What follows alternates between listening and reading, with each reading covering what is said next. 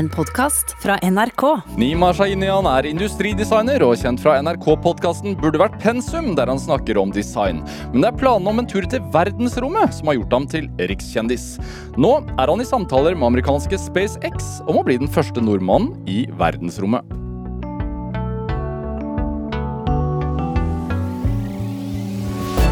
Dette er Drivkraft med Vegard Larsen i NRK P2. Nima Shahinian, velkommen til Drivkraft. Takk for at jeg ble invitert. Hvordan har du det? Jeg har det veldig bra. Har du? Jeg har det veldig fint. Eh, sola skinner. Jeg har en uh, mulig blivende astronaut i studio. Det kan ikke være bedre enn det. Uh, industridesigner, hva er det? Industridesigner er en uh, person som kan prosesser som handler om å identifisere ulike problemstillinger. eh, finne, finne ting som kan forbedres. eh, og så bruke prosessene sine til å forbedre det. Hva, Ofte- hva vil det si? Ja. Nei, Det vil ofte si å designe bedre produkter, altså fysiske gjenstander, men så vel som tjenester, eh, applikasjoner, eh, opplevelse, altså brukeropplevelse av et produkt eller en tjeneste. Det kan være, egentlig være hva som helst. Eh, designeryrket er et utrolig bredt yrke. Mm. Så Har du et eksempel på et eh, objekt eller noe hvor du har brukt din, din kunnskap? Altså ditt, Ja. ditt, ditt fagfelt? Ja, det har jeg absolutt. Eh, Jeg vil egentlig bruke to eksempler for å vise bredden. Eh, Det ene eksempelet er jo et produkt jeg gjorde selv da jeg var student, andreårsstudent, eh, som var en stikkontakt som også ble ganske kjent, eh, Flow. eh, Hvor jeg så på dagens stikkontakt som en problemstilling, og problemstillingen var hvordan kan jeg gjøre det lettere å treffe. Eh, altså rett og slett finne de to hullene og plugge inn en kontakt. som Fordi at man ofte roter med hvilken Er, det, er det loddrett eller vannrett eh, disse skal, skal Ja, være? Ofte så ser du det ikke, og så knoter du under sofaen og sånn. Og tanken var hvis det her er en sånn irritasjon for deg og meg, så hva med de menneskene som er eh, funksjonsnedsatte på noen måte? da? Mm. For eksempel svaksynte etc. Det, det vil jo nesten være umulig for dem. og da løste jeg den problemstillingen ved å, å gå analytisk til verks. Finne ut hva som gjør at det er så knotete, eh, og så, finne ulike typer ideer på, på løsning. Et annet eksempel jeg bruker, er jo eh, der jeg jobber, eh, Designit, hvor, eh, hvor eh, en del kolleger av meg Jeg var ikke med i det prosjektet, men jeg syns det er et utrolig vakkert eksempel på, på kraften av design. Og det er da man redesigna brystkreftdiagnosekøen.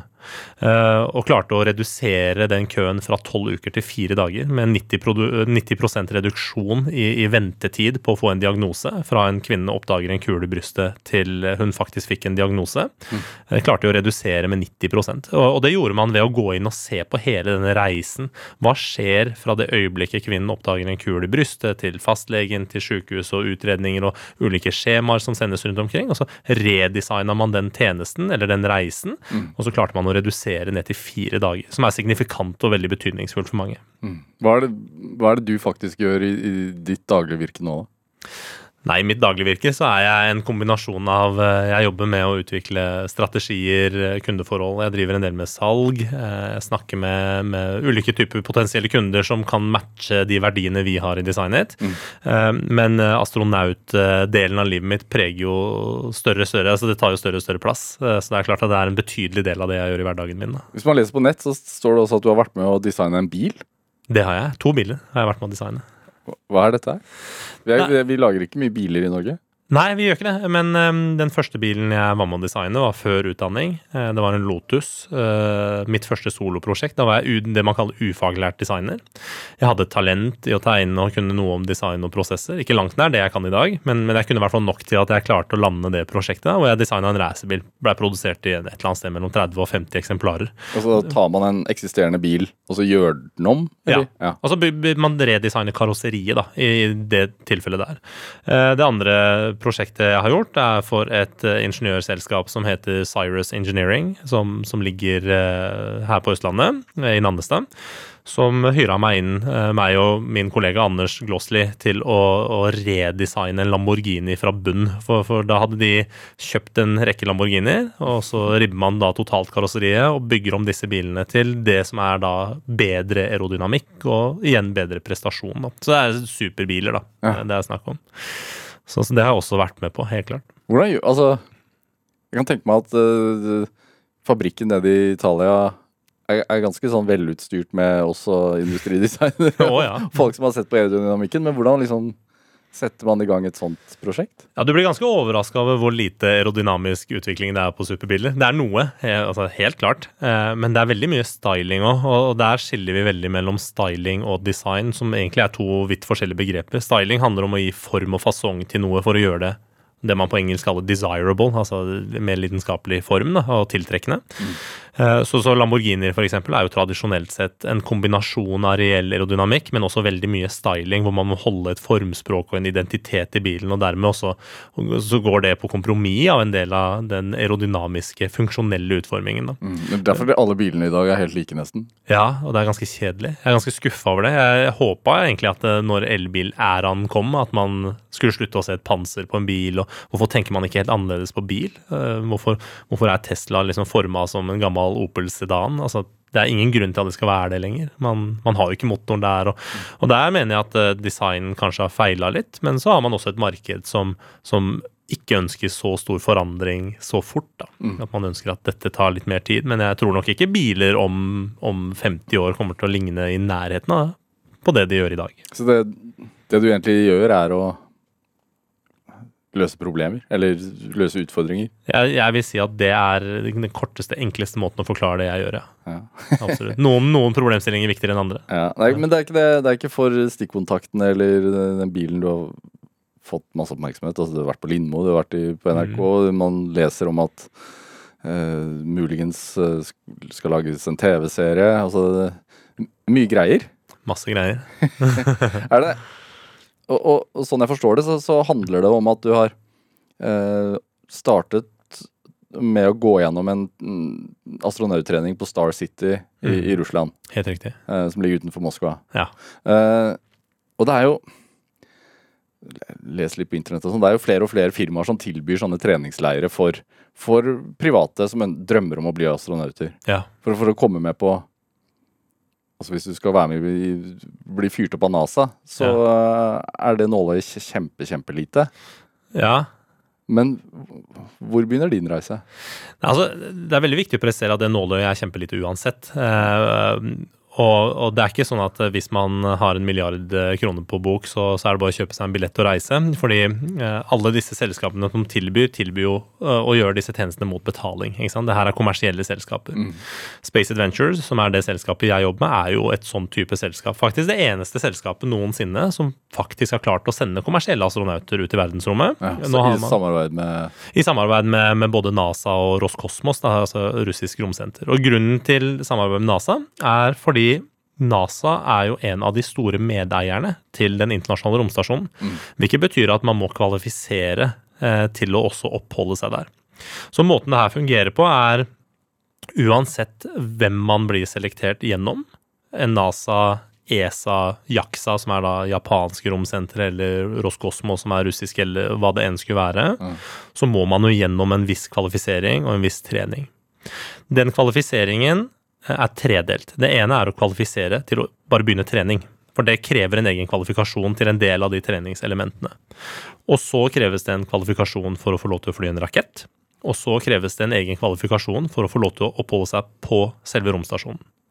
Så eh, disse kvalifikasjonene de gjelder også for kommersielle private astronauter. Så forskjellen på Eh, si NASA- eller ESA-astronauter eh, og private aktører, er at de kjøper sitt eget sete. Mm. Eh, altså private astronauter kjøper sitt eget sete. Eller får det finansiert av industrielle partnere. Mens NASA og ESA, altså disse statlig ansatte astronautene, som er enda, større, altså enda mindre nåløye å komme gjennom, det de egentlig søker på, er jo en fullverdig stilling, en jobb, en langvarig stilling, mm. og finansieringen. Fordi ESA kjøper også setene, mm. men det er statlig finansiert og ikke privat finansiert. Men hvor Når begynte den reisen her for deg? Altså Hvor mange år siden? Nei, altså reisen inn i, hodet mitt, rent sånn mentalt, begynte jo i barndommen. Jeg tror i tenårene så bestemte jeg meg Da jeg var barn, så ble jeg inspirert og begynte å drømme om det. Syv-åtte år gammel, kanskje. Hvorfor det? Eh, Nei, bare fordi at jeg har en, en fantastisk pappa som, eh, og mamma som, som alltid har vært veldig opptatt av å lære meg om liksom, tekniske og mekaniske ting. Og, og faren min har også designa biler og skrudd mye bil, og det er kanskje noe av det fineste jeg og pappa gjør sammen selv til den dag i dag. Da. At vi kan liksom møtes i hans garasje og skru litt på Land Roveren. Så det er liksom greie vi har. Og, når man har de interessene der, så er det nærliggende å også begynne å interessere seg for den type ting som romfart og sant, raketter og romskip og det slike. Så, så jeg blei Det ganske er, ikke- det er ikke sant. Det er, Er det ikke det? Det er, la, det er langt fra en motor på en Land Rover til å, å drømme om verdensrommet. Å oh, ja, ja, det er det. Og det er veldig mye imellom der. Masse imellom. Um, men den drømmen den blei nok etablert av liksom den type litteratur som jeg blei eksponert for som barn, og det jeg blei fortalt, og de tingene de lærte meg. da. Uh, men da var det jo bare en drøm, sant? helt til tenårene, hvor jeg bestemte meg for at en dag så skal jeg. Og så, eh, og så hadde jeg en periode hvor eh, ting ikke gikk så bra. Jeg droppa ut av, av videregående skole, klarte ikke å fullføre. Så, så håpet liksom svinna litt bort. Så, så for meg så har liksom hele den reisen vært en sånn opp- og nedtur, mens den drømmen alltid har liksom ligget latent i bunnen. Men hvor reell den har vært for meg, det, det har jo variert veldig da, fra epoke til epoke i livet mitt. da. Men så hadde jeg et kapittel av livet mitt hvor jeg nettopp hadde slutta i Forsvaret, som jeg jobba i noen år. Eh, og så var det en, da en ESA-seleksjon i 2008-2009 som jeg søkte på. Hva er det for noe? ESA er da European Space Agency, eh, som er den europeiske romorganisasjonen som vi i Norge er medlem av. De selekterer sine astronautkull på behov. De har hatt to seleksjoner tidligere. Nå er de midt i en tredje seleksjon, som da skal offentliggjøres i oktober, hvor jeg virkelig krysser fingra for at vi endelig får noen nordmenn inn. Mm. For det er, det er sånn man leser. Altså 24 000 søkere, og så 24 000 søkere til ESA-seleksjonen, ja. Ja. Det stemmer. Det er ganske mange som har lyst på de stillingene. Og hvor mange blir igjen? Nei, det er, De skal selektere seks eh, astronauter til det man kaller prime crew, altså hovedcrewene. Også, men denne gangen her, i motsetning til tidligere, så skal man ha rundt 20 reserveastronauter også. Det har man ikke gjort tidligere.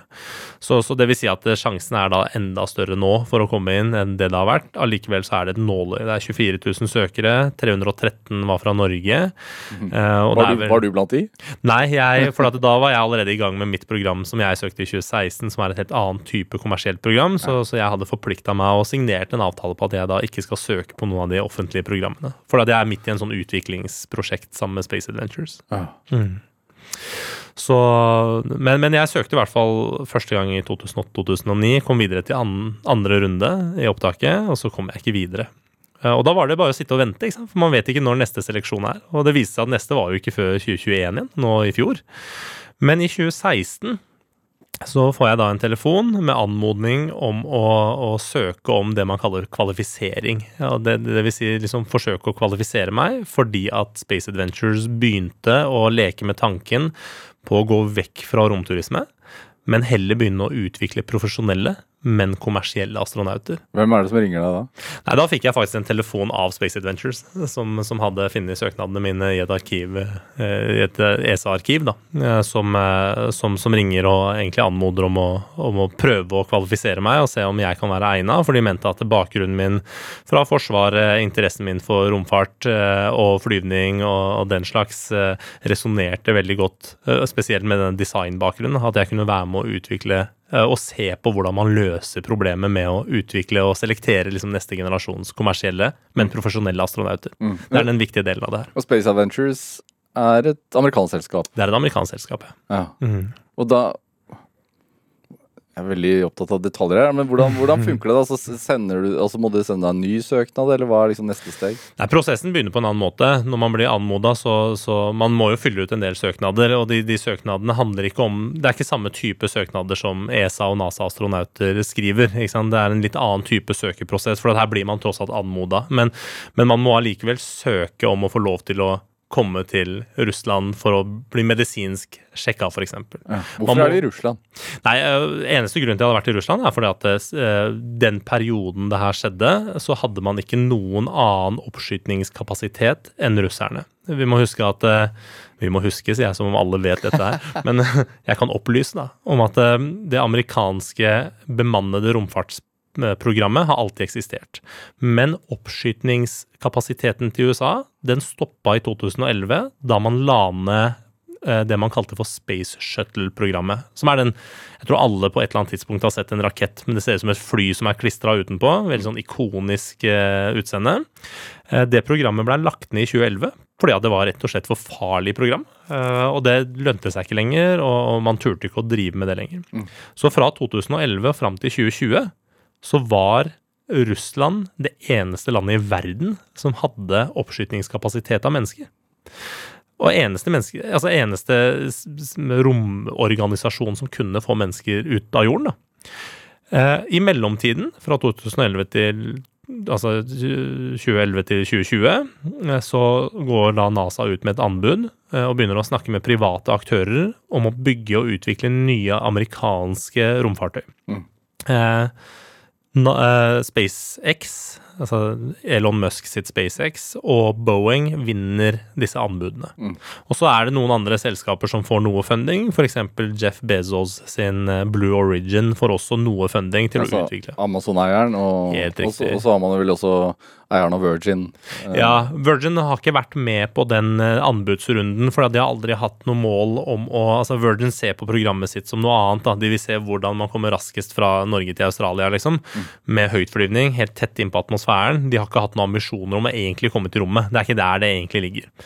Eh, mens Jeff Bezos eh, og Blue Origin, altså Amazon-eieren, eh, har jo en ambisjon om å bl.a. lage neste generasjons månelander. De vil lage raketter som har kapasitet til å fly til romstasjonen og den slags. Så, så, så det var ikke noe oppskytningskapasitet i mellomtiden da jeg begynte å søke, og derfor så var Russland det landet som var helt naturlig og nærliggende å jobbe med. Og så Før vi går videre på din reise, hvorfor er det sånn at de to rikeste menneskene i verden, altså Bezos og Musk, driver og kniver, kniver om dette her? Jeg tror, jeg tror de er to helt forskjellige, eller jeg vet at de er to helt forskjellige profiler eh, som ikke kan sammenlignes. Eh, jeg tror denne knivingen er nå noe skapt, fordi at eh, altså, La oss være ærlige og se på Bezos starta tidligere enn SpaceX med, med sine programmer, og det eneste de har klart, er å få mennesker tre minutter opp i verden, så vidt opp i verdensrommet. Altså I USA så kaller man det å barely touch space, er det de sier da. Man er rett utenfor det man kaller Carmen line, altså 100 km-grensa. Og så faller man egentlig bare ned igjen. Mens eh, SpaceX har hatt en helt annen tilnærming. De har hatt en teknologisk utviklingstilnærming som handler om å lage ordentlige romfartøy som kan gjøre operasjonelle jobber. Altså levere mennesker til romstasjonen, gå i bane rundt jorden, gjøre forskning. Så det SpaceX har gjort, er helt unik i verdenssammenheng. De begynte seinere enn Blue, Origin, eh, og er nå ja, uten tvil det mest avanserte eh, altså space delivery-selskapet som noensinne har eksistert. Da. Ja, Musk har jo skutt opp masse satellitter som leverer Ja. eh, bredbånd internett. Akkurat, akkurat nå over Ukraina, eller i Ja, ja. en periode. Og, og har også fått disse rakettene til å lande igjen, som jo også var sånn en grense, eh, en milepæl å få til. Ja, altså Det er mer enn en milepæl, eh, vil jeg si. For det, altså, det var ikke mange år før det skjedde at de fleste forskerne i verden mente at det var klin umulig å gjøre. Altså Det var rent balansemessig og teknisk helt umulig å gjøre. og Det strider totalt imot alt av fysikkens lover. Det har de mestra. Eh, De snakka om å bygge Starship, eh, største romfartøy som noensinne er bygd. Eh, Blei bare ledd av for tre år siden, og de har jo allerede De jo, står jo klare til oppskyting, de venter bare på tillatelser. Så, så altså, den tilnærmingen de har hatt, har ikke vært med mål om å skape en eller annen hyggelig turistnæring for, for milliardærer, men det har vært å, å skape en ekte og ordentlig kommersiell romkapasitet, da, som gjør at flere mennesker kan dra ut i, verden, dra ut i verdensrommet, jobbe, forske. Og komme tilbake med den kunnskapen for jordas beste. Men det kommersielle aspektet er jo også reelt. Altså øh, Vi leser jo at en, en, en billett til verdensrommet og tilbake koster noe sånn som 550 millioner kroner. ja. Det stemmer ikke helt. Nei, ok, hva koster det? Nei, altså, Prisene er varierende. Nå, Prisene har jo synket noe. Det, det, det, det, koster altså det koster ikke langt unna 550 millioner. Det skal sies at det setet som Mark van som som kom hjem i går, faktisk, fra romstasjonen. Han fløy med russisk kapasitet for ett år siden. Det setet kjøpte NASA for 95 millioner dollar. Det er rett i underkant av en milliard norske kroner. Så, så jo da, det er svinedyrt, eh, men, men hele ideen her er om å presse prisene ned. Men NASA og de store romorganisasjonene er i en prosess hvor de nedskalerer sine virksomheter til å bli mer og mer forvaltningsetater. Det er det de ønsker å bli. NASA ønsker ikke å være en hardware-produsent lenger, eller, eller drive operasjoner. Det de ønsker, er å få private aktører til å kunne gjøre de jobbene som omhandler å skyte folk opp, som SpaceX gjør, eh, men også private astronauter etter hvert, som faktisk kan dra til månen og bygge, bygge oljeplattformer, eller isplattformer, boringsplattformer. Ja. Som, hvem er det som skal vedlikeholde romstasjonene? Den, den, type ting ønsker man da kommersielle aktører til å trenes opp til å gjøre. Hvor mye leser du om dette, Nima? jeg leser eh, overraskende lite om det. Ja. Så, så, den meste kunnskapen den kommer jo av at man eh, er en del av det gamet. Jeg snakker med NASA-folk ukentlig, jeg snakker med SpaceX-folk, jeg snakker med russerne. Ikke så mye nå lenger, men fortsatt lite grann. Eh, bare på et vennskapelig nivå, liksom. Men, men, det er klart at når man er i det miljøet, så, så tilegner man seg den kunnskapen. Og det blir en sånn naturlig del av, av jobben min. Da. Men den, den, søknaden som du da leverte på anmodning i 2016 mm. Når var det ballen begynte å rulle, da? Nei, Da begynte den å rulle ganske fort, egentlig etter det. Eh, så, så, jeg hadde vel eh, Jeg husker ikke nøyaktig hvor lang tid det tok, men det tok vel ikke mer enn en måneds tid før jeg liksom var på det første psykologiske intervjuet da, for å se om jeg hadde psyken til å i det hele tatt gå videre. Hvor var det? Nei, det var på, på Skype, faktisk. Som er sånn Skype fins jo nesten ikke lenger. Eller jeg hører i hvert fall ikke om noen som bruker det. Men da brukte man det. Men, eh, men hva, hva spør de om da? Det er alt mulig rart. Eh, man prøver å finne ut om folk er i vater, rett og slett. Og grunnen til at man bruker, begynner med de intervjuene og ikke fysisk, er fordi den fysiske medical er ganske dyr. Eh, så, så, det er ikke noe point i å ta folk gjennom den fysiske medisinske undersøkelsen, eller, eller de dyrere aspektene av kvalifisering, før man liksom har i det minste løst de litt billigere, da, som er en, en eh, Skype-samtale på to-tre timer her og der. Det, det, er relativt billig å gjøre, vil jeg si. Så, men de spør om alt mulig rart. Man man eh, det, Jeg vet ikke om du har tatt sånne personlighetstester før? hvor du liksom Det er lange tester på fire-fem, kanskje noen ganger ti sider, eh, med masse altså tett med spørsmål. Mm. Og så er innimellom så alle spørsmålene er egentlig like. Det er egentlig bare sånn 20 spørsmål som går igjen, bare at de stilles på veldig forskjellige måter forskjellige steder i testen, og så ser man om du gjennomsnittlig svarer egentlig det samme på det ene og det andre. Da. Mm. Så veldig mye den type tester. Eh, og så går det etter hvert over til psykomotoriske tester, hvordan du klarer å holde hodet kaldt under stress, stressmestring, psykologi.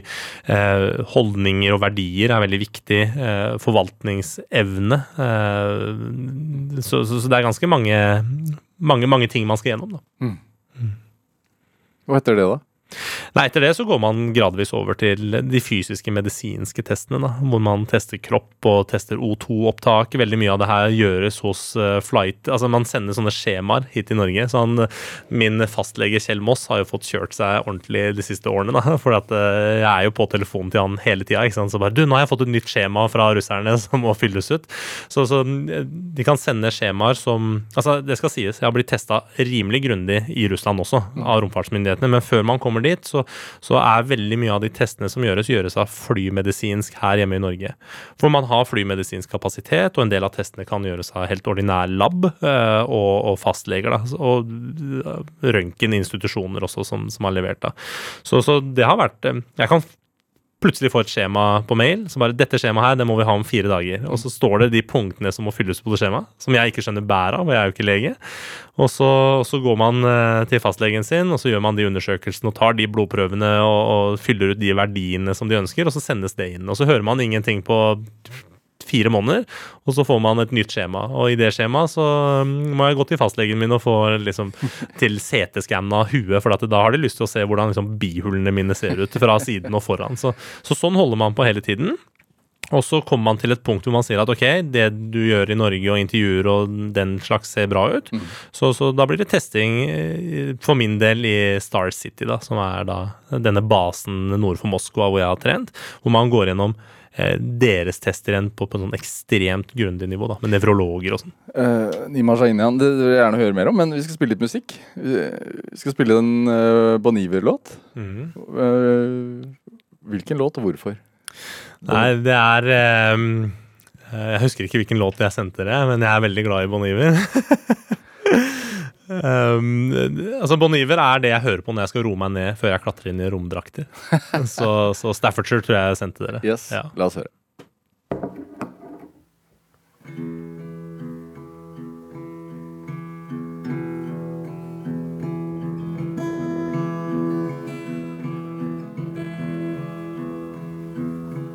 sharing smoke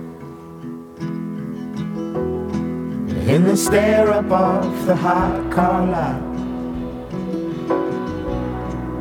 The sun sunshine hard on the video spot. Mm.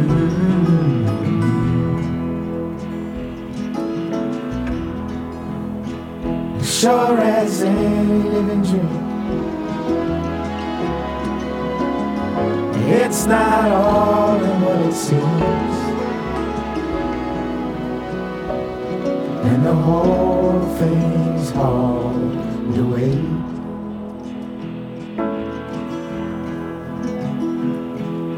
A woman empty rolling up, you're rolling up, you're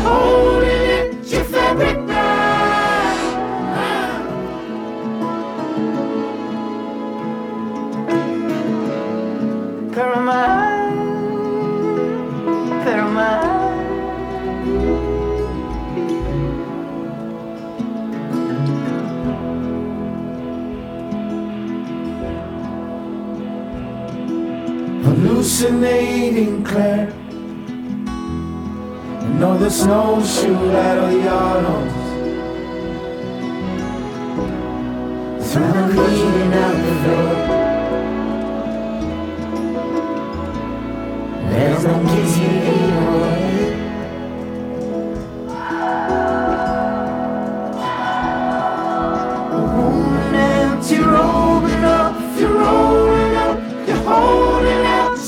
Hooray!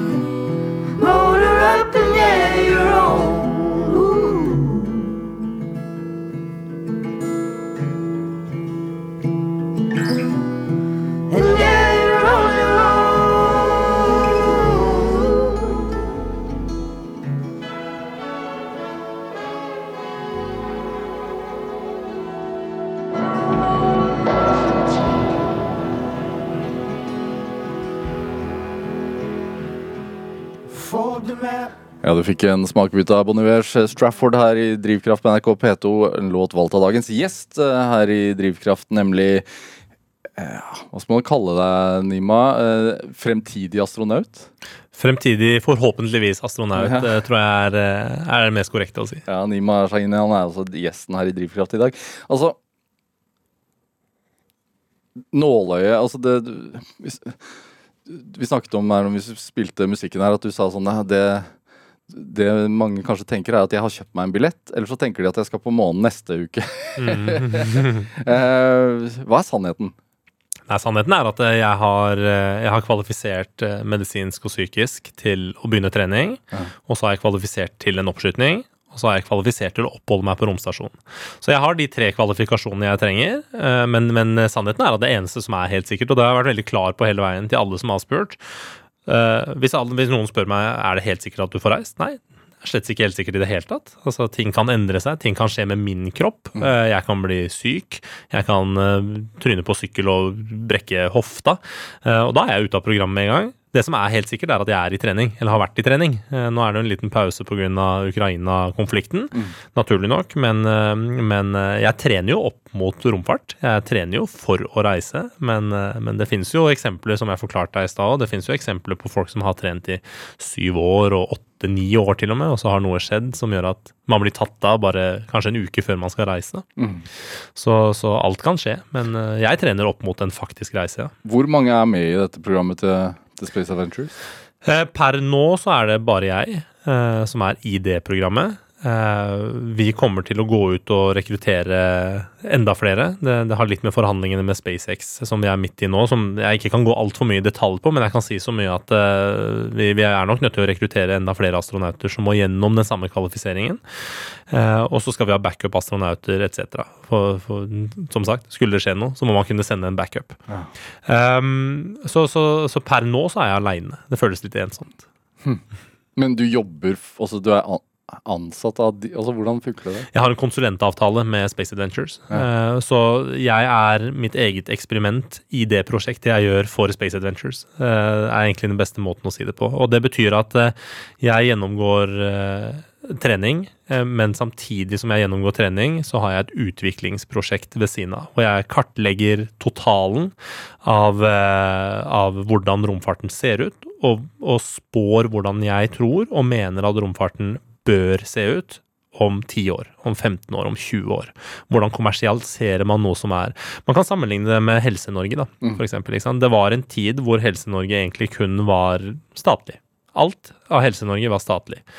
Eh, og så plutselig så dukker det opp kommersielle aktører som må ta over, og så blir det noe politisk motstand kanskje mot det å privatisere for mye, men så ser man etterpå at man er totalt avhengig av det. Man kan se på koronasituasjonen også. Og se på hvordan, hvordan man var totalt avhengig av kommersielle aktører til å gå inn og utvikle vaksinene våre. Ikke sant? Så, så, så her handler det om et samspill mellom det statlige og kommersielle. Og det ser man allerede nå mellom f.eks. SpaceX og NASA. NASA er statlige. Eh, I det tilfellet så er det NASA som utdanner de statlige astronautene, men SpaceX som skyter de opp med kommersielle fartøy. Og Det er derfor man kaller det for commercial crew. Mens eh, det vi prøver å gjøre med Space Adventures, er eh, å se på kommersielle kommersielle. Altså både kommersielle astronauter, eh, som er profesjonelle arbeidere og har trent opp til å gjøre spesifikke jobber i verdensrommet, som også skal fly med kommersielle fartøyer. Så, så den utviklingen av den tjenesten og hvordan det vil se ut, og, og hvordan den prosessen skal være, det er jo nettopp det jeg jobber med å utvikle. Ja, Og det er i en slags startfase? Er, ja, Vi har kommet ganske langt. Vi har jo utvikla nå i to og et halvt år. Eh, og så skal det sies at jeg er ikke aleine om den utviklingen. Det er et ganske stort team, men det er jeg som leder den utviklingen eh, for, eh, for Space Adventures. Og det er slett ikke sikkert at de løsningene som vi har, er det som blir liksom standard, bransjestandarden. Det vet vi jo ikke ennå. Eh, men at vi eh, kommer inn med noen innfallsvinkler som kommer til å integreres i ulike typer programmer, det er helt sikkert. Eh, Har bl.a. noen masterstudenter som jobber iherdig eh, som del av sitt masterprogram i dette her. Eh, Snakker med ulike stiftelser og norske industriselskaper som har interesse av å etablere seg som del av fremtidens romøkonomi etc. Og så har du sett bilder av deg, bl.a. blant annet på nrk.no, eh, hvor du er på, på Star City i, Russland, Mm. eh, utenfor Moskva. Det, hva, hva er Star City? Star City er eh, Selve Star City er en liten by eh, som ligger nord for Moskva. Ligger ca. 40 minutter nord for Moskva, med litt trafikk. Hvilken størrelse snakker vi? Nei, vi snakker eh, tilsvarende Lillestrøm. Ikke, ikke i antall beboere, men i areal. Så, så relativt stort areal med færre beboere. Jeg husker ikke hvor mange som bor der. Det er en 3000-4000 stykker som bor der til daglig. Kan- så Kan alle reise fritt inn og ut?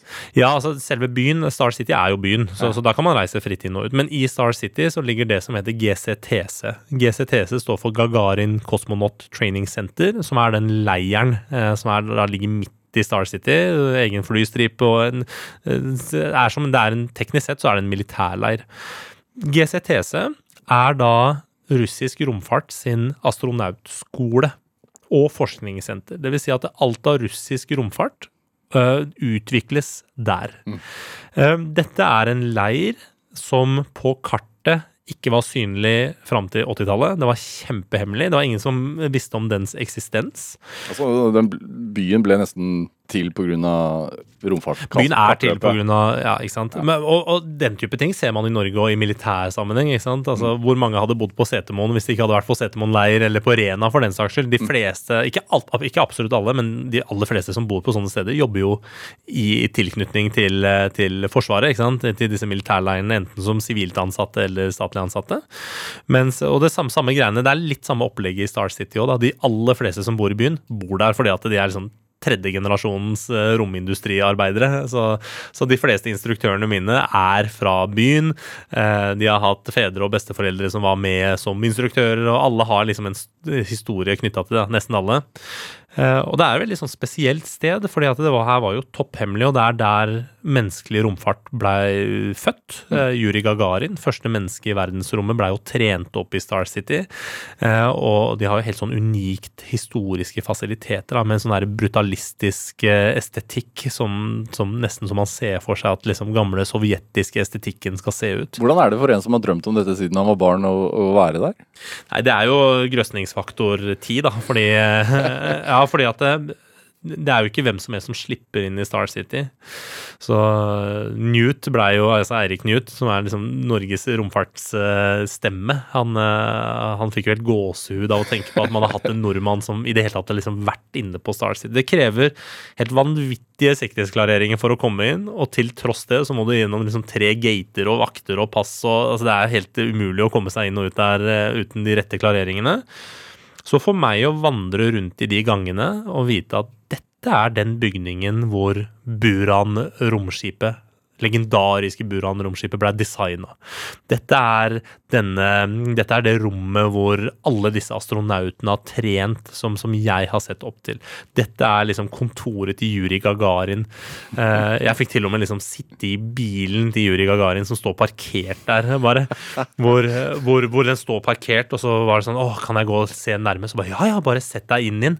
Og så kunne jeg liksom Og det å tenke på at det liksom første menneske i verdensrommet, så får jeg lov til å bare sette meg i den bilen her. Jeg får være i historiske fasiliteter. Hvorfor er det så stort? Altså, Nei, altså forklar. Jeg, Nei, jeg, jeg skjønner jo at eh, folk eh, kanskje syns det blir litt vel nerdete.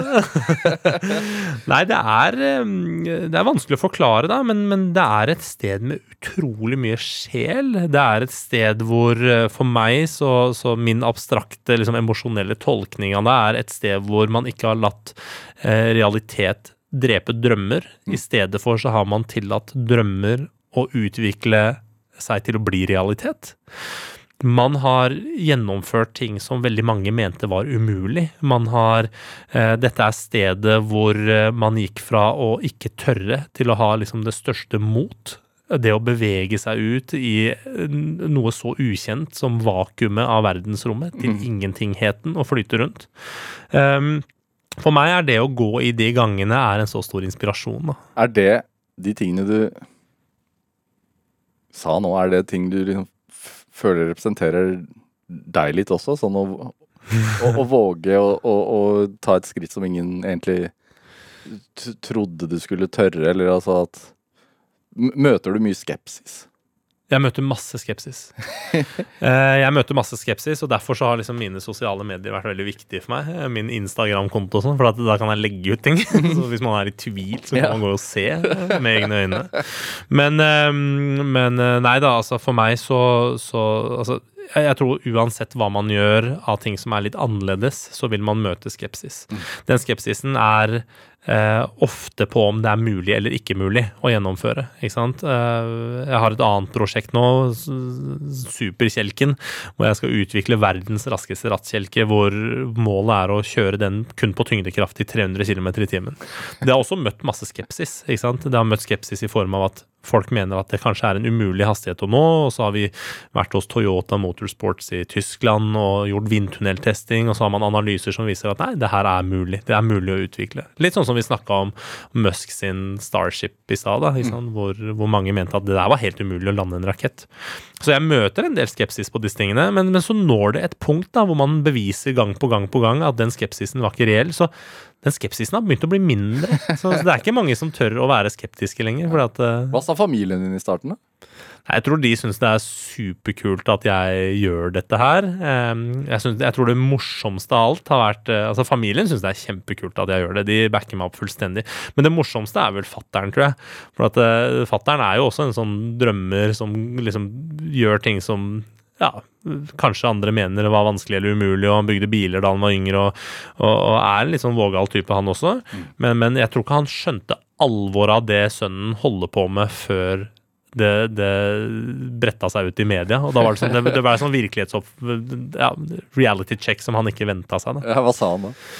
Han syntes det var veldig kult, da, veldig spennende. Og så var det sånn her eh, Jeg trodde ikke mine egne øyne, var det han sa. Og så sa jeg ja, men dette har jo vi snakka om i flere år. Altså, hva mener du? Så bare nei, nei, men altså, det var vanskelig å tro før jeg faktisk så det. Så han hadde den holdninga. Det var veldig sjarmerende og veldig gøy. da, og så, og så merker jeg at det, det er veldig mye jeg er jo en mann som pusher 40, ikke sant? og jeg har jo godt voksne foreldre. eh, Så, så, så det er veldig gøy når liksom fattern fortsatt snakker til meg som om jeg er liksom ti år gammel. 'Å, jeg er så stolt av deg, sønnen min', og 'lille gutten min', og 'jeg er så stolt'. Altså, så, så disse kommentarene det gjenspeiler jo veldig hvordan han ser det. da. Du er født i Iran. Det er født i Iran, ja. Uh, foreldrene dine er fra Iran. ja. Eh, flyktet til Norge pga. revolusjonen, eller hva var det som var Ja, grunnen? de er eksiliranere. Ja. Uh, flyttet til Norge pga. revolusjonen. Uh, rett og slett fordi at uh, de er sekulære.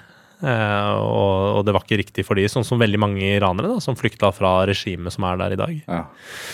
I 1987, så jeg har jo liksom Jeg flytta til Norge da jeg var eh, ja, rett før jeg fylte fem, eh, og har min oppvekst i, i Hakadal. Hvordan tror du Altså, på hvilken måte har foreldrene dines reise preget deg, tror du? Jeg tror det å være øh, småbarnsforeldre på 30, eh, rundt 30 Jeg vet ikke om de var 29 eller 30 eller par og 30 eller hva de var, jeg har ikke regna på det, faktisk, for å være helt ærlig. Men jeg tror det å liksom pakke tinga sine eh, og ta med liksom det kjæreste du har i én koffert, Mm. og ta sønnen sin på nakken, og så flykte til et annet land, det er en ekspedisjon i seg selv. Altså, du går inn i det ukjente. Eh, du skal lære deg et nytt språk. Du skal lære deg en ny kultur, som kanskje ikke var så annerledes fra den iranske kulturen. Iran var jo et ekstremt, og er egentlig på mange måter også et ekstremt vestlig land. Mm.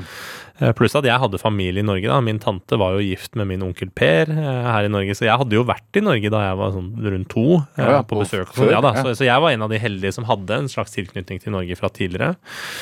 Eh, Men, men det er klart at det å pakke alle tinga sine, forlate alt du elsker, eh, venner, familie, favorittkafé, favorittrestaurant, favorittbutikk, Mm. eh, luktene, sansene, foreldrene dine, alt, og så bare reetablere seg i et nytt land, det er jo ekstremt modig. Jeg tror mange glemmer det man ser hos ulike typer flyktninger eller folk som reiser fra det kjæreste de har. Det, er, det er som om vi skulle pakka sammen tingene våre og dratt. Mm. Jeg hadde en sjef i Forsvaret, Trond Honde, som fantastisk eh, type, som, som eh, alltid sa at eh, Husk at eh, da man regna ut stjerneavstanden Iran matematisk, så, så og, og et sånt land, så moderne land som det kan falle på den måten her, så skal man heller ikke ta det flotte man har i Norge for gitt. Eh, og jeg syns det er ganske sterkt å si det, og, og det er litt som å innbille seg at vi nå, uh, både du og jeg er jo foreldre, at vi skulle liksom tatt barna våre på nakken, og så bare flytta til et annet land som vi ikke kjente til og ikke kunne språket til, og så bare etablere oss fra bunn. Mm. Det er ganske sterkt. Så jeg tror nok det helt klart har prega hvem jeg har blitt i den utforskertrangen jeg har. Mm. Og utforskertrangen betyr ikke nødvendigvis å liksom komme meg på toppen av et fjell eller på bunnen av et hav. Det også, selvfølgelig, men, men, men det å utforske liksom mine kapasiteter og hvor- hvor langt jeg kan pushe grensa, og ikke minst hvor langt jeg kan pushe de rundt meg til å være med meg på disse reisene. Mm. Så har du vært uh, utstasjonert i Afghanistan. Har jeg. Eh, Mm. Er det Telemark bataljon, eller hva? Jeg har jobba for flere typer avdelinger. Uh, som jeg går aldri i detalj på hvilke avdelinger jeg har jobba i, men, eh, men jeg har jobba i flere ulike avdelinger, bl.a. Telemarksbataljonen har jeg jobba med, og vært eh, lengre periode i Afghanistan. Hva er det også en form for eventyrsøking, eller?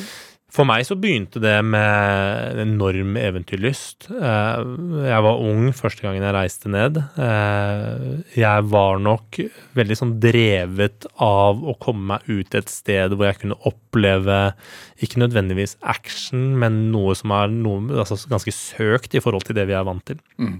Vi kan godt pakke tingene våre ved å dra på en ferie til Egypt og se pyramider og den type ting, som, som i seg selv er ganske eksotisk, ikke sant.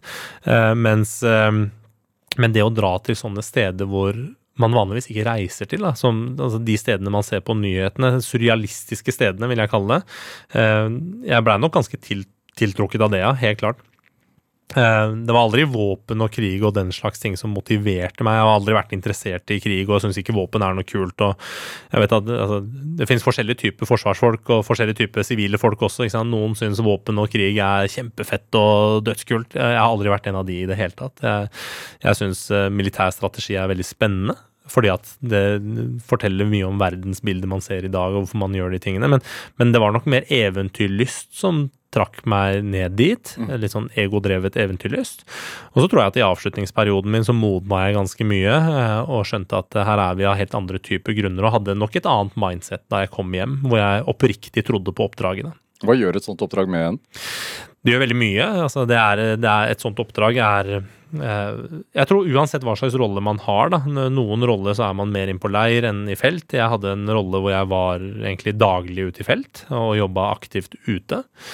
Um, Hva gjør man da? Altså sånn nei, ko Kommunisere med lokalbefolkningen, eller hva? ja, altså forhåpentligvis så, så moderne krigføring foregår ikke sånn som man ser på film, at man hopper ut av leiren og begynner å skyte folk, liksom. Det er ikke det man gjør. Eh, og vi var jo der, jeg var der ganske tidlig, blant annet. Eh, så så mye av det som var vår jobb, er å sørge for en tilstedeværelse, sørge for sikkerhet, eh, snakke med lokalbefolkningen, etablere samarbeid og bygge det man kaller for hearts and minds. Samtidig så er jo vi også operative krigere. Eh, vi er der for å gjennomføre jobber som er grove. Vi er der for å arrestere folk, vi er der for å ta folk, vi er der for å beskytte oss selv og beskytte lokalbefolkning. Så, så man kjemper jo kamper. Eh, og vel så mye som man kanskje rydder opp, har jeg vært med. Jeg har vært med på veldig mye opprydning av selvmordsbombere som har gått i lufta, og kroppsdeler og den slags ting, som, som er ganske likt veldig mye av det man faktisk ser på film. Eh, men utrolig sånn rart å oppleve det, og disse sanseopplevelsene man får. Så Hvor lenge blir sånne opplevelser værende? jeg tror det blir værende for alltid, og det blir nok en del av hvem vi er. Eh, Jeg tror eh, man berøres på veldig mange nivåer, da. Jeg tror det ene, ene nivået man berøres, er jo som person og innenfor en sånn bror- og søsterskap, hvor man, man forstår hverandre på en unik måte. Man har opplevd ting som de aller fleste andre forhåpentligvis aldri kommer til å oppleve noen gang.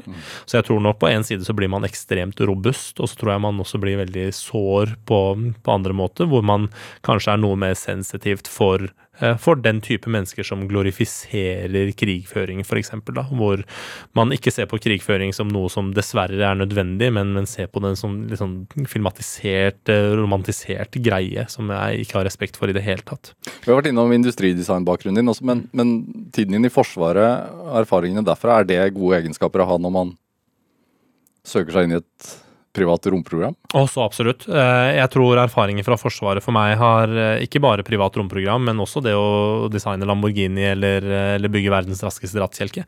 For at man tilegner seg en del disipliner som er nettopp det vi også snakka om i stad. Altså når verden er skeptisk imot det du driver med, så skal du ha den drivkraften til å, til å liksom stå i det. Um, og det er et begrep som uh, veldig glad i begreper og dikt og poesi, men, men, men det, den, den, det enkleste begrepet av alle er det å, det å ha evnen til å krumme nakken og gå videre. Den, den er en ganske sterk egenskap som man lærer seg i Forsvaret. Altså, ja, du får motstand, eh, men du lærer deg å ta deg sammen når det gjelder. Og ikke bli emosjonelt eller følelsesmessig kald i det hele tatt, for man lener seg til eh, vennene sine, og man gråter, og jeg er jo en ekstremt emosjonell type. Altså, veldig kjent for å være en emosjonell type som griner av Unicef-reklamefilmer og, og kan ikke se på ET uten å bli rød i øya.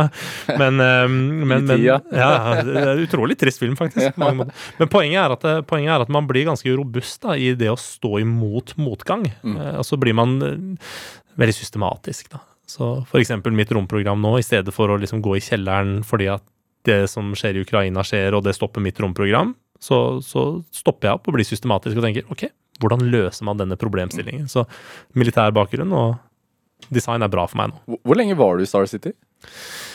Jeg rakk ikke å være der eh, under trening mer enn eh, hva ble det da, 12-15 dager eller et eller annet sånt. Ja. Hva, hva, hva gjorde du der rent sånn faktisk? Nei, det var veldig flaks for meg, fordi at øh, jeg Altså, alle astronauter som reiser opp, har jo en trening som varer minimum i ett år. Minimum. Eh, og helst mye mer, for da går man inn i forskningen og sånn. Det skal sies at min trening var tilrettelagt mye mer avansert enn liksom de fleste andre vanlige, spesielt kommersielle programmene, for at jeg også trente på det man kaller en spacewalk. Det betyr å gå ut av romstasjonen og operere i den store, bamsete romdrakta som man ofte ser i media. da. Men eh, alle astronauter må gå gjennom det man kaller for basic training. Basic training betyr at man går gjennom absolutt alle elementer av romfartstrening. Det er nesten litt som en rekruttskole. Du skal lære deg hvordan uniformen skal brukes, du skal lære deg hvordan du kommer deg inn og ut av en romdrakt, og hvordan man opererer i en romdrakt, og hva de ulike verktøyene er, og systemene, og romkapsel og flyrakett. Altså det grunnleggende. Og når man har gjennomført det, så går man videre til det man kaller detaljert, altså mission profile, som er da oppdragsprofilen. Da, da, begynner man å trene på de spesifikke tingene man skal gjøre.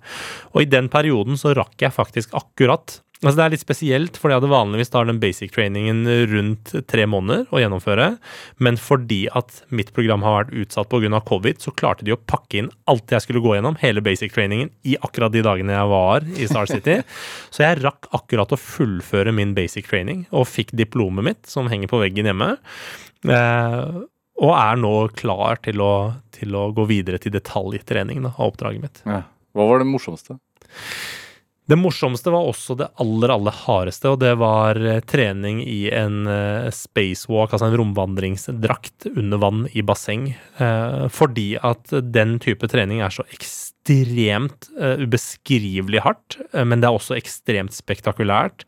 Uh, og noe som de aller fleste astronauter, selv liksom NASA og ESA-astronauter, ikke får mulighet til å oppleve. For det, det er en dyr affære. Det koster masse masse penger å gjennomføre, masse masse ressurser.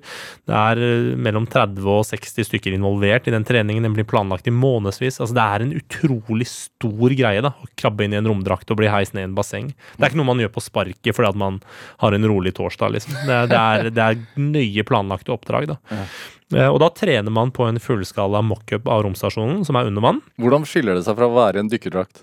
det skiller seg ganske mye. Eh, veldig, veldig mye. Fordi at eh, når du er i en dykkerdrakt, så, så må du balansere deg selv. Og det, de færreste klarer å balansere seg selv helt perfekt. Man vil enten flyte litt opp eller synke litt ned. Det man gjør i en sånn type romdrakt For det første er man inne i en helt innkapsla romdrakt. Du kjenner ikke vannet på kroppen. Du er liksom tørr, eller tørr er man ikke, for man svetter jo mye, men teknisk sett skal man være tørr. Um, den romdrakta er under stort, stort trykk. Altså man fyller den med trykk. eh, 5,9 PSI-trykk, som er ganske mye i en romdrakt. Det vil si at hver gang man beveger på ledd, så er det som å ha store vekter og motstand. Altså, drakta vil kjempe mot alle bevegelsene. Um, men det interessante med det man kaller eh, hydrolab, eh, som man trener i, er at man blir balansert helt perfekt med vekter her og der, sånn at eh, man verken flyter opp eller synker. Du blir helt nøytralt balansert, og dermed også helt vektløs. Og, og den vektløse tilstanden under vann, den klarer man ikke å skape selv. Det er, det er mange titalls år med forskning som har gjort at man har funnet ut hvordan man balanserer sånn. Du sier jo at det, det er ikke så mange som får gjennomført annet det, det dykket, for å kalle det det, Mm. fordi at det er kostbart. Hvem, jeg veit at du har med deg noen norske samarbeidspartnere, øh, men hvem er det som betaler for gildet ditt? Nei, altså det er jo GCTC tar jo altså Selve skolen tar jo mye av den regninga, så, så når jeg sier kostnad. Men jeg har jo med meg en industriell partner, som, som er da en nær, ernæringspartner. Q har jo vært med å finansiere noe av treningen min, men, men GCTC altså, har jo noe ansvar for å finansiere treningen min, fordi at det jeg utvikler for de Altså når jeg utvikler det kommersielle romprogrammet, så ikke nå lenger, da, men, men da jeg gjorde det for øh, da de var i gamet, på en måte, før Ukraina-krisen, så, så ville jo det gagne de stort også. For de må også se til kommersielle måter å gjøre ting på. ikke sant? Sånn at det her har jo Space Adventures og GCTC, så alle aktører er med å liksom finansiere disse tingene. Så GCTC stiller jo med ressurser og den slags. da. Hvordan var det altså, Da krigen startet, så var det rett hjem, da? Eh, rett hjemme. Ja. Ja. Og hvor, og hvor- står du nå, da? Nei, altså Akkurat nå så leser jeg masse teori, for jeg vil ikke miste treningstid. Eh, Jeg sikter fortsatt mot en oppskytning i slutten av 2023 og forhåpentligvis begynnelsen av 2024. Altså noe utsettelse pga. krisen, naturlig nok. For da må man gå inn i nye forhandlinger. Men hvor Altså 2023-2024, det er jo veldig kort tid. Hvor Ja. hva, hva, altså, hvor Hvor reell er den datoen? Datoen er nok ganske reell. Eh, Det er flere skip som skal opp. Eh, Vi er veldig spente på hvilken skip som skal opp, for at vi vet ikke hvordan det russiske samarbeidet kommer til å fungere. Og hvis de trekker seg helt fra romstasjonssamarbeidet, så vil jo rotasjonene av, av SpaceX sin Crew Dragon-deployeringer til romstasjonen, de vil jo da endre seg. Eh, Hvilket betyr at vi, vi vet rett og slett ikke Vi vet ikke når når nøyaktige oppskytinger er per i dag. Det er for mye usikkerhet. Men vi vet at det er planlagt noen oppskytinger, og vi vet hvilken det er ledige seter på. Eh, Så det er noen av de tingene vi forhandler om i dag, da. Hva er det med verdensrommet? Å, det er mye med verdensrommet. Det er, eh, det er ganske spektakulære saker, da. Ja, men jeg, jeg, jeg, jeg Hva er det som er så tiltrekkende? Nei, altså det, er kombinasjonen av eh, innovasjon, det tekniske så vel som det ukjente, da, som, som jeg tror er veldig tiltrekkende for meg. Altså, og så er det en del sånn emosjonelle ting, da, hvor, hvor jeg drives også veldig av, av drømmen om å oppleve dette med overview-effekt. Eh, Men det er klart at eh, det er vanskelig å overtale en industriell partner til å, til å være med å betale og finansiere et sånn type program fordi at jeg har lyst til å oppleve overview-effekt. Det, det må, la oss være ærlige og si at det er en kjempestor bonus for meg personlig, men, men verdensrommet har veldig mye å by på. Ja. Fordi at uh, veldig mye av den forskningen som vi gjør i verdensrommet, er ting som gagner oss på jorden, altså det aller meste. Uh, og veldig mye teknologiutvikling kommer også fra jorden. Det være seg på materialteknologi, produksjonsmetodikk. uh, laptopen blei jo oppfunnet pga. romfart. Altså man har ekstrem innovasjon i romfart, da, som, som er veldig mye av det vi opplever her hjemme. Altså, både innenfor medisinsk forskning og medisinsk utvikling, så vel som liksom, teknologiske duppeditter og gjenstander som gjør livene våre ganske mye bedre. Da. Vi, vi vi snakket jo litt her om at livet består av masse usikkerheter. Man vet jo ikke, man kan jo brekke hofta, og ting Ja. kan forandre seg. Men hvor sikker er du på at det blir en, en tur? Nei, altså det, det gjøres jo prognoser av disse tingene hele tiden. øh, og per nå så, så er min prognose Det man sier, er at det er en 75% sjanse. Så jeg er i hvert fall godt over 50% per nå. Da jeg var i Russland, så var vi oppe i 80% på prognosen da, på, på reise. Så den har jo falt lite grann, men den er fortsatt på den sikreste siden. da. Nima Shahinian, hva, hva er din drivkraft? Min drivkraft er nok eh, å bevise overfor meg sjøl eh, at jeg kan få til ting, eh, men, men hovedsakelig også for at jeg oppriktig tror at, eh, at de tingene jeg gjør, er betydelig mye større enn meg selv og mitt ego, men at det kan bety noe for veldig, veldig mange mennesker. Tusen takk for at du kom hit til Drivkraft. Tusen takk for at jeg fikk komme. Hør flere samtaler i Drivkraft på nrk.no eller i appen NRK Radio. Send oss eh, gjerne ris og ros og tips til mennesker som du mener har drivkraft. Send en e-posten til drivkraft.krøllalfa.nrk.no. Vi hører veldig gjerne fra deg. Produsent i dag var Ellen Foss Sørensen, og Heidi Andersen bidro med research. Eh, Jeg heter Vegard Larsen. Vi høres. Du har hørt en podkast fra NRK. Hør flere podkaster og din NRK-kanal i appen NRK Radio.